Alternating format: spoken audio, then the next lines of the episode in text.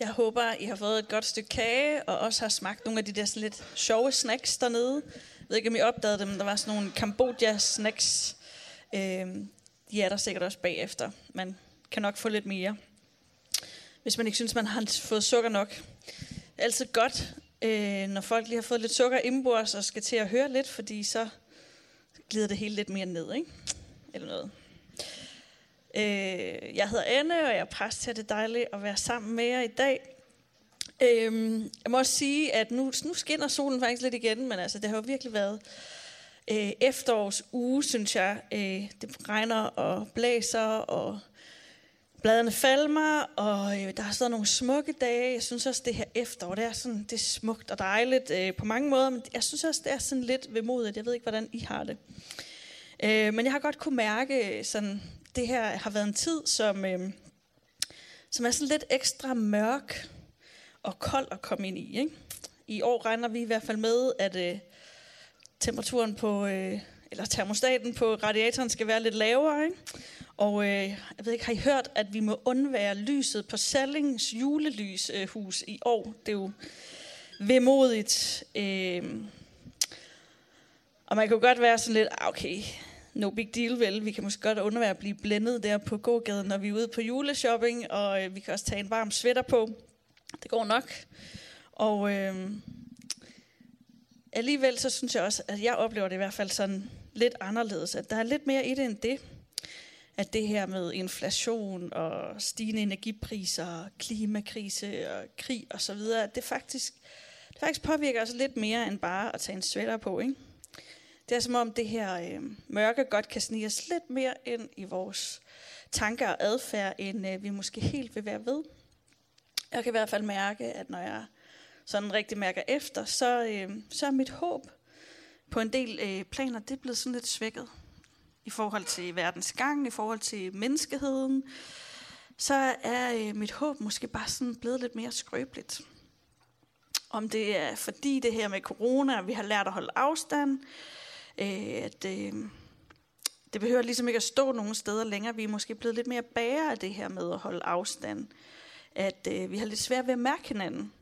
Og tro på, at øh, vi kan udrette ting og skabe ting i, og skabe mening i fællesskab.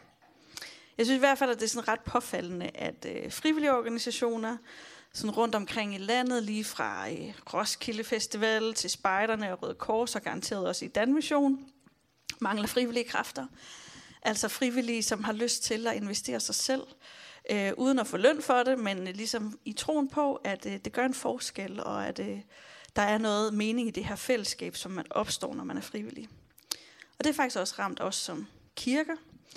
Og også her, i den her kirke, der oplever vi, at det, det på en måde også er blevet sværere øh, at bære fællesskabet i fællesskab. Og nogen de siger sådan, ah, men det der med kirkerne, og der ikke kommer så mange, og alt det her, det handler lidt om, at vi har sådan fået brudt vanen. Vi ikke, øh, vi, vi ikke øh, er i den her rytme med at gå i kirke, og det er som om sådan, man kan næsten sige, at vi er blevet lidt klogere, at vi ikke behøver at være sådan nogle vanedyr, ikke? Vi har opdaget, at der ikke ligesom er det helt det samme behov for de her fællesskaber længere. Og vi synes ikke, at vi behøver at forpligte os så meget, vel? Men jeg har bare tænkt, jeg tror måske ikke, det er så meget bare vores vaner, som har ændret sig, men måske også meningen i de fællesskaber, som vi er en del af. De, øh, det falder mig ligesom lidt. Og vores tro på, at øh, fællesskabet rent faktisk kan opstå, når det nu har været sådan eroderet væk i øh, så lang en periode. Og det her med at holde afstand, det står ikke på skiltene længere, vi kan køre det i højtalerne, men vi holder stadigvæk lidt afstand til mennesker, ubevidst. Og derfor kommer vi også lidt til at sidde på ydersiden, både i relationer og i fællesskaber. Og så synes jeg bare, at det spiller ret meget sammen med det her med øh, energiknaphed, ikke? som lige nu vælter meget ind over vores samfund. Priserne stiger, varmeregningerne løber løbsk, og nervøsiteten over, hvad den her energikrise ligesom øh, kommer med sig, øh, den stiger i takt med, at det bliver koldere udenfor. Og jeg kan sådan set godt se det fine i, at øh, så kører vi måske lidt mindre i bil, og bruger lidt mindre benzin, slukker lyset, når vi går og sådan noget. Ikke? Det er rigtig godt for klimaet, og det er virkelig godt. Men jeg synes, der er noget med det her sparementalitet, som kan komme til at gribe os. Ikke? Den her knaphed og frygten for fremtiden Det er som om, at det ligger lige for. Det ligger faktisk snublende nært at ende som fedtspiller. At øh, være gnier, ikke? Hvor, man, øh, hvor man sidder på sit, hvor man trækker sig, og man holder endnu mere afstand. Når øh, man bliver mere og mere koblet af, og øh, kobler sig på et mindset af, at jamen, der er ikke rigtig nok vel. Så lad os barrikadere os igen. Og øh, lad det være løsningen på, at der er knaphed. Men jeg tror faktisk, at vi er kaldet til noget andet. Jeg tror faktisk, at vi er kaldet til at have et helt andet mindset end det her. Ikke til at følge den strøm. Ikke til at blive fedtspiller og holde afstandsregimet og være i det. Jeg tror, at vi i stedet for at lukke, lukke os og mig selv, så tror jeg, vi er kaldet til at åbne vores arme. Jeg tror, at i stedet for at isolere os, så er vi kaldet til at kaste os ind i fællesskabet. I stedet for at være fedtspillere, så tror jeg, at vi er kaldet til at være generøse. I stedet for at være kyniske, til at være håblø, øh, håbfulde. Og i stedet for at veje alt op i kroner og øre, i CO2-regnskab og energiforbrug, så vægte værdien af det betydning, den har i Guds rige, i kærlighed og i medmenneskelighed. Og jeg tror, vi er sendt til den her verden til at bringe gode nyheder. Jeg tror, vi er sendt til den her verden til at være, være de gode nyheder. Og give ud af det, som vi har fået givet. Og i den her tid, der giver det bare ikke sig selv. Det her håb, det er under pres. Og det er faktisk nemmere at øh, slukke for sine relationer, end at brænde for fællesskaber. Og jeg tror, måske mere end nogensinde, har vi brug for at træde ind i Guds riges økonomi, hvor der altid er nok. Og nu vil jeg læse en tekst, hvor der pludselig er mere af noget, som egentlig var sluppet op. Og det er fra Johannes evangeliet, og vi er øh, sådan i helt den spæde begyndelse af Jesu tjeneste, som indtil da faktisk har været sådan rimelig meget ukendt. Øh, og han har kun lige samlet lidt øh, nogle disciple sammen omkring sig, og han skal til det her bryllup med, øh, med sin mor og brødre. Og så læser vi her fra kapitel 2. To dage senere var Jesu mor med til et bryllup i Kanaan i Galilea. Jesus og hans disciple var også indbudt. Under festen slap vinen op. Og Jesus mor kom hen til ham og sagde, der er ikke mere vin. Lad mig være i fred, mor, sagde han. Tiden er ikke inde endnu. Men hans mor gik til hen til tjenerne og sagde, lige meget hvad han siger til jer, så skal I bare gøre det. Der stod seks store vandkrukker i huset, som på grund af de jødiske renhedslov var lavet af sten. De rummede hver cirka 100 liter. Jesus bad tjenerne om at fylde dem op med vand. Da de havde fyldt dem til randen, sagde han, Øs nu noget op og gå hen til den ansvarlige for festen, så han kan smage på det. De gjorde det så, og han smagte på vandet, der nu var forvandlet til vin. Da han ikke vidste, hvor det kom fra, for det var kun tjenerne, der vidste kaldte han på brudgommen og sagde, man plejer ellers at servere den vi- fine vin først, og senere, når folk er kommet lidt i stemning, den billige vin. Hvorfor har du gemt den fine vin til nu? Det mirakel, som Jesus udførte i Kana i Galilea, var det første tegn på hans autoritet og magt, og hans disciple troede på, at han virkelig var sendt af Gud.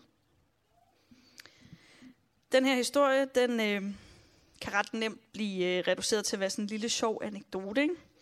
Den er sådan en sjov feature, at øh, Jesus fremtryller noget usædvanligt god øh, vin, og faktisk rigtig meget af det, sådan 800 flasker, det fylder, fylder faktisk rimelig meget, ikke?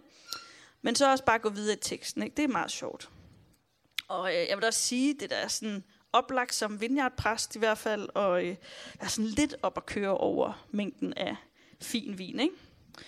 Og jeg tror også, at øh, Jesus er øh, usandsynlig god til at holde fester faktisk. Det, øh, det talte Simon om i sidste uge. Øhm, men jeg tror, at det her øh, ikke er mere end bare sådan en sidehistorie. Det her med øh, vin i imponerende mængder og trylletrik og sådan noget, ikke? som er lidt belejligt for, at en fest ikke skal gå død.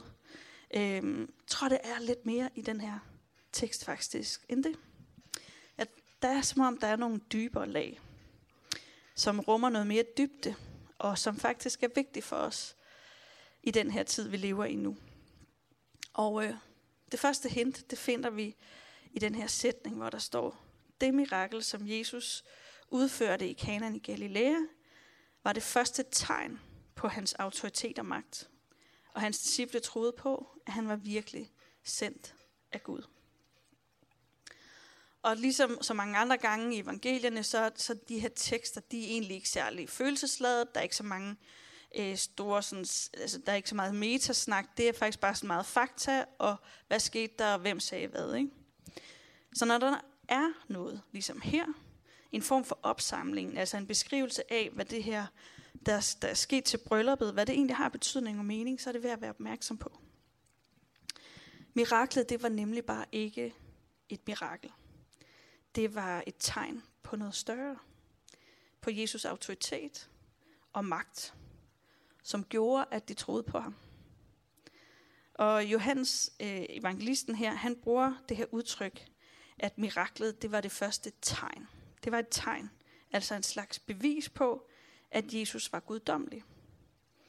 Det var ikke bare sådan et smart trick, men det viste noget om, at øh, der var noget guddommeligt over Jesus. Og jøderne, de havde nemlig sådan en generel opfattelse af, at Gud var i himlen og var langt væk. At jorden den tilhørte menneskene, og det var ligesom deres domæne, og Gud han var sådan relativt fraværende. Ikke? Og så var der lige det her ene sted, som var på, i templet i Jerusalem. Det var det eneste sted, hvor Gud reelt var til stede på jorden, og sådan kunne blive mærkbar og være til stede med sit nærvær. Men sagen var bare, at på Jesu tid, så var Guds tilstedeværelse i templet, den havde ligesom været en anden. Det var ikke ligesom i gamle dage, fordi 600 år før Jesu fødsel, der var templet blevet ødelagt, og øh, jøderne de havde været i eksil. Og så var de kommet tilbage til Jerusalem, og øh, de havde genopbygget templet i et vist omfang, men det var som om det ikke var helt det samme. Tværtimod så var der sådan en opfattelse af, at Gud han havde øh, på en måde forladt sit folk lidt. Faktum var i hvert fald, at der havde bare været en hel masse, der havde øh, på skift øh, styret øh, landet, og det var ikke dem selv. De var blevet undertrykt af forskellige hersker lige siden.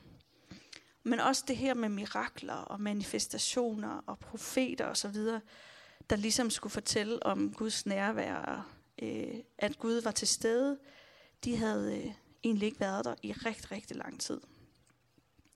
Og det, der egentlig var tilbage for de her jøder, det var at vente på, at Gud en dag ville komme og genoprejse dem og øh, etablere sit rige på jorden. Guds rige, sådan som profetierne havde sagt. Og indtil da var det nok bare noget med at ligesom æde, at jamen, Gud er bare lidt langt væk. Ikke? Så når Jesus så vader ind til det her bryllup og giver vand til vinmiraklet, ikke? så er det faktisk et tegn på meget mere end sådan en fed gimmick og en fest, der ligesom er blevet til lidt mere. Nej, det er faktisk et mirakel, som har lavet vand til vin, som er et tegn på, at nu møder himlen pludselig jorden igen. Eller som Johannes Døber, eller som Johan, ikke Johannes Døber, men som Johannes så siger andre steder, at ordet er blevet kød og har taget bolig blandt os. Og den her vin, den er sådan et tykt symbol på liv, på ånd og liv, som nu har ramt jorden. Med andre ord, så er Gud nu på jorden, i form af Jesus. Vinen fra himlen, den møder jorden nu. Menneskets domæne, det bliver faktisk mødt af en kødeliggjort, en fysisk, i fysisk form, i form af Jesus. Og han kommer med det her liv, liv i overflod. Så miraklet peger faktisk præcis på, hvem Jesus er, og er et tegn på hans autoritet og magt, og det liv, han er kommet med. Og øh, der mangler ligesom ikke noget her, vel? Der er ligesom bare liv, eller i hvert fald vin i overflod. Og øh, til brylluppet, så bliver det faktisk også kommenteret, hvor meget overflod det i virkeligheden er. Ikke? Det er sådan, det er øslen, ikke? Det er for meget. Alt den her gode vin, og så på det her tidspunkt i festen, det er sådan næsten forarveligt, så meget det er. Ikke? Det er too much. Det er overdrevet, det er øslet. Men som Johannes senere siger i kapitel 10, vers 10, øh, at han kom, Jesus kom for, at vi skulle få liv, og liv i overflod. Ikke bare sådan lidt liv, vel, men i overflod. 800 flasker, ikke? Og samtidig så er det her første mirakel, det er også sådan et, der er sådan et lag af mildhed i det. En omsorg. For på den her tid, så bød traditionen, at øh, det var gommens familie, som skulle komme med vinen til festen. Det var faktisk det eneste, de skulle stå for. Det var vinen, og så skulle kvindens familie stå for resten, eller bruden. Og derfor så stod øh, Gommen og hans familie til sådan en potentielt kæmpe ydmygelse af skam og øh, vandære, som faktisk ville øh, forme og nemt kunne komme til at forme og følge brudeparet resten af deres liv som en sådan slags forudsigelse af bare sådan mangel på velsignelse over det der ægteskab. Ikke? Fordi vinen var sluppet op. Oh. Men her så kommer Jesus faktisk og dækker dem ind. Han skærmer dem fra den her skam i sin omsorg fra det, der kunne have været sådan en total social katastrofe. Ikke? Det var egentlig ikke hans opgave. Og på en måde sådan kan man godt sidde og tænke, sådan, det er da lidt snyd, ikke? De har bare lige været sådan lidt for fedtet. Og alligevel, så øh, redder han deres omdømme, ikke? Og det gør i hvert fald, at øh, det her mirakel, som de slet ikke er fortjent til, at, øh, at de, de oplever den her omsorg. Han gør det alligevel, fordi han kan. Fordi han er god. Og øh, den sidste pointe, i hvert fald min sidste pointe i teksten, det er, at miraklet sker, fordi der var nogen, der hørte efter, da Maria, Jesu mor, siger, lige meget, hvad han siger til jer, så skal I bare gøre det. Lige meget, hvad han siger til jer, skal I bare gøre det. Gør, hvad end han siger til jer. Og det er som om Maria allerede ved, at Jesus han kan lave mirakler. Og samtidig også, at han har tænkt sig at inddrage andre til at lave miraklet. Og det sker faktisk igen og igen, når vi læser i evangelierne, at han inddrager sine disciple, når han vil rigtig faktisk gøre noget. For eksempel ved bespisningsunderet, der øh, beder han disciplene om at dele ud af de her øh, to fisk og fem brød, og bespiser flere tusind mennesker. De gør, når de gør det, han beder dem om, så sker miraklet.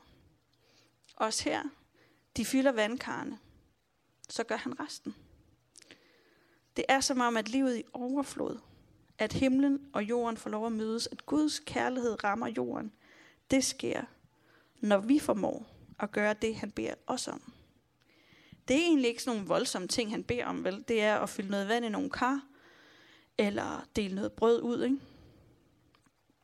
Det er det lav, det ligger, det han beder os om. Men den her adlydelse, det her med at bare gøre, hvad end han beder os om, så får vi til gengæld lov til at se mirakler. Vi får lov at se at hans overflod. Vi får lov til at se, at der er nok. At det, der før var åndsforladt, nu er blevet fyldt med ånd og liv. Hvor der før var få ressourcer, og hvor vi er kommet til kort, der er der mere. Og der, hvor der var skam og ydmygelse, der er der oprejsning og omsorg og glæde. Og jeg tror virkelig, det hænger så meget sammen det her. Ikke? Gør hvad end han beder os om.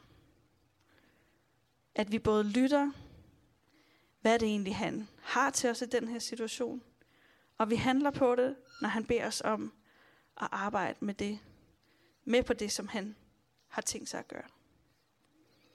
Og tilbage til alt det her med knapheden i ressourcer, og det mørke, som på mange måder sænker sig over os, og den her stærke tendens i tiden til at barrikadere os, isolere os og tvivle, snarere end håbe på, øh, at det giver mening og bidrage. Og vi holder på vores eget. Vi laver regnskab, inden vi går ind i relationer og fællesskaber, før vi tager håb på noget. Lige der. Lige der, venner. Der tror jeg, at vi har en særlig opgave. Lige der har vi en opgave i at være modkultur til fedtspilleren. Og der mener jeg ikke, at vi skal lave sauna-temperatur i vores øh, lejligheder, vel? Eller lade vandet løbe sådan for sjov, og så er vi ud over det, vel? Nej, det handler om at tabe ind i Guds riges ressourcer. Og opdage, hvor uendelige de er. Og bede Gud, hvad du end siger, jeg skal gøre, så vil jeg gøre det. For så er jeg overbevist om, og jeg har prøvet det så mange gange, at så ændrer regnskabet sig. Så ændrer regnskabet sig. Jeg har så ofte, både materielt, overskudsmæssigt, relationelt og alt muligt andet, oplevet både privat og i kirkens liv her, at Gud har forsørget med liv i overflod, når vi har ladet ham tage over. Når jeg har tur fortælle Gud om det behov, der har været, og efterfølgende sagt, nu må du sige, hvad jeg skal gøre, Gud. Nu må du bestemme, Jesus. Jeg gør, hvad du siger. Og når jeg reelt har givet Gud plads til at tage over, sådan så han kan forsørge, så gør han det vidderligt også. Simon og jeg har flere gange øh, gjort noget så banalt som at fremlægge boligønsker til Gud. Nogle af jer har hørt om det før, men vi har simpelthen lavet en liste over alt fra udsigt til beliggenhed og plads og pris. Lagt det frem for en Gud og sagt, det er det her, vi ønsker os. Og set, hvordan det har flasket sig. Hvordan han har forsørget for os og givet os det, vi har ønsket os. Vi har set det derhjemme, og vi har også set det lige her i Aarhus Vineyard. Og øh, vi har ofte siddet stramt i det, og ikke vidst, hvordan vi skulle klare os økonomisk, både som familie og som kirkefællesskab. Og alligevel så har vi oplevet, hvordan Gud gang på gang er dukket op og gjort sit. Og det er som regel altid kommet efter, at vi har tur bede, fortælle, hvad det er for nogle behov, vi har, og sagt, nu må du vise os, hvad vi skal gøre. Hvad er det, vi skal rykke på, Gud? Relationelt har jeg prøvet det flere gange. Jeg har stået i en situation med en relation, som er gået i hårdknude, eller virkelig oplevet, at her er der bare ikke nok. Jeg har ikke mere at give af. Der er ikke mere at komme efter Gud. Men også oplevet, at når jeg er gået til Gud og turde dele det med ham, og øh, han har fået lov til at skinne sit lys på det. Han har vist mig, hvad jeg har skulle se i øjnene også af super nederen ting om mig selv. Og så også oplevet, hvordan hans kærlighed har kunne få lov at tage over. Og virkelig give liv i overflod i de relationer. Og jeg tror bare, der er så meget til os i den her tid. Lige i det her. Jeg tror virkelig, vi lader, lade os gribe af det her. Lad os gribe af Guds riges økonomi i vores liv. Hvor vi i stedet for at lukke os om os selv, åbner vores arme, i stedet for at isolere os, kaster os ind i fællesskab, i stedet for at fedtspille, er generøse, i stedet for at være kyniske, søge håbet, og i stedet for at bekymre os, tabe ind i Guds riges ressourcer. For der er altid nok hos ham. Og prøv at høre her, det er ikke uden omkostninger at gøre det her. Om det er at flytte til Kambodja, eller forsøge at være noget for børnene i vores børnekirke, eller være frivillig i vores madklub på Redden, som faktisk er et super nice projekt, hvor man laver mad sammen med nogle udsatte kvinder en eftermiddag. Og ja, der mangler vi også frivillige. Eller om det er her i kirken til gudstjeneste, til at være vært, det er det samme. Det koster. Det koster noget energi. Det koster noget tid. Men jeg tror simpelthen også, at det koster noget usikkerhed i os. Det koster i den her tid, fordi vi spørger os selv, om vi er bevidste om det eller ej, sådan kan det bære? Giver det mening? Giver det mening for mig at investere i mennesker, i fællesskaber? Har jeg overhovedet noget at give af? For jeg tror, vi er mange, som ikke oplever, at vi har særlig meget at give. At vi har særlig meget at give ud af. Men måske lige præcis derfor, så er der brug for, at vi koster os ind i Guds riges økonomi. At vi taber ind i hans uendelige ressourcer. I tro. Velvidende, at vores egne ressourcer så nemt slipper op. Og måske lyder den her tale lidt som en opsang. Og det er det måske også. Og det er fordi, det er en opsang, jeg har brug for. Det beklager jeg, at I ligesom bliver trukket ind i. Fordi jeg har virkelig brug for at minde mig selv om det her. Ikke? Igen og igen, jeg glemmer det så nemt. For når jeg kigger på verden, så bliver jeg virkelig nemt overvældet. så bliver jeg nemt kastet ud af kurs, og jeg glemmer, at jeg er Guds barn. At jeg er hans aftager. At jeg har adgang til alt i hans rige. Det har han lovet mig. At hans håb aldrig svinder. At hans kærlighed er uendelig. Jeg glemmer det. Og jeg har brug for at blive mindet om det igen og igen. Og her til sidst så kunne jeg godt tænke mig at slutte af med at bede. For dem af os, som erkender, at vi har brug for mere vin på mere end et plan, ikke? at vores håb det er skrøbeligt. At vi grundlæggende er nogle fedtspillere. At vi har brug for meget mere af det, der kommer fra Gud. Mærke, at Gud griber ind. At han kommer med sit liv leve i overflod og berøres os med det liv. Det har jeg brug for. Og øh, hvis I har lyst til at være med i den bøn, så skal vi bede den sammen lige om lidt. Og øh, til sidst har jeg også lyst til at bede en bøn for dem, som tør være med i den bøn, der hedder, jeg er med på, hvad end du gør, Jesus. Hvad end du beder mig om, hit me, amen. Hvis du tør være med i den bøn, den er altså ikke øh, helt gratis, øh, så vil vi bede den til sidst. Så har I ikke lyst til at rejse jer? Øhm. og hvis du nu har lyst til at være med i en af de her bønder, så kan du jo eventuelt række hånden op, eller lægge en hånd på dit hjerte, eller bare være med i dine tanker, og så, øhm, så vil jeg bede for os. Og øh, ja, så slutter vi af med at lovsynge sammen, og, øh, og så kan man også blive bedt for herover bagefter.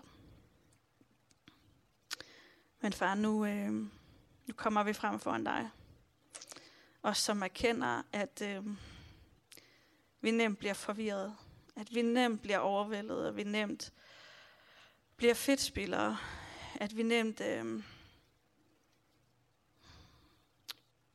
bliver mest optaget af at passe på os selv, end at øh, turde håbe på og tro på, at, øh, at tingene bærer.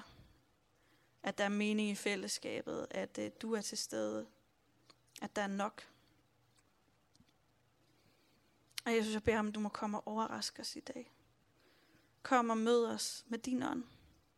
Kom og vis os, at der altid er mere hos dig. At der altid er liv i overflod hos dig. At dine ressourcer ikke slipper op.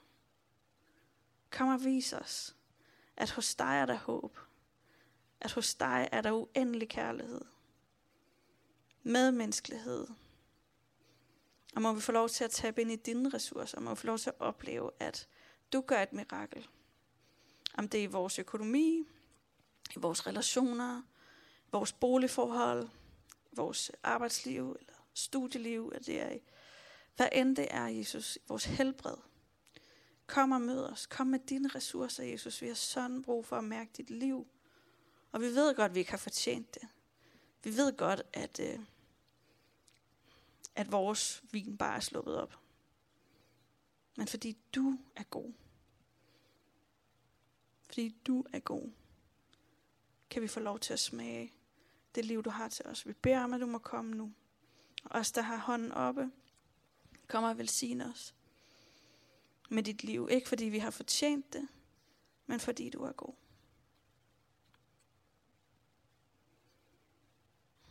Og Jesus, så vil vi også bare bede den modige bøn. Bede den bøn, som vi måske ikke helt forstår konsekvenserne af, men som vi tror på, øh, er det gode. Vi beder om, at du må komme og vise os, hvad det er, du ønsker, vi skal gøre. Og vi siger, hvad end du beder om, Jesus, så vil vi gøre det. Hvad end du beder om, Jesus, så er jeg med.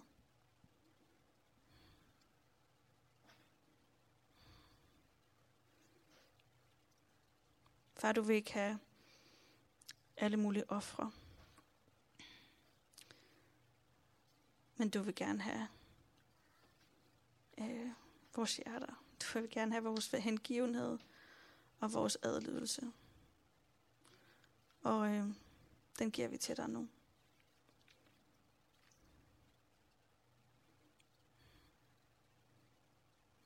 Vil du modsvare den med at vise os, hvad det er, du øh, beder os om?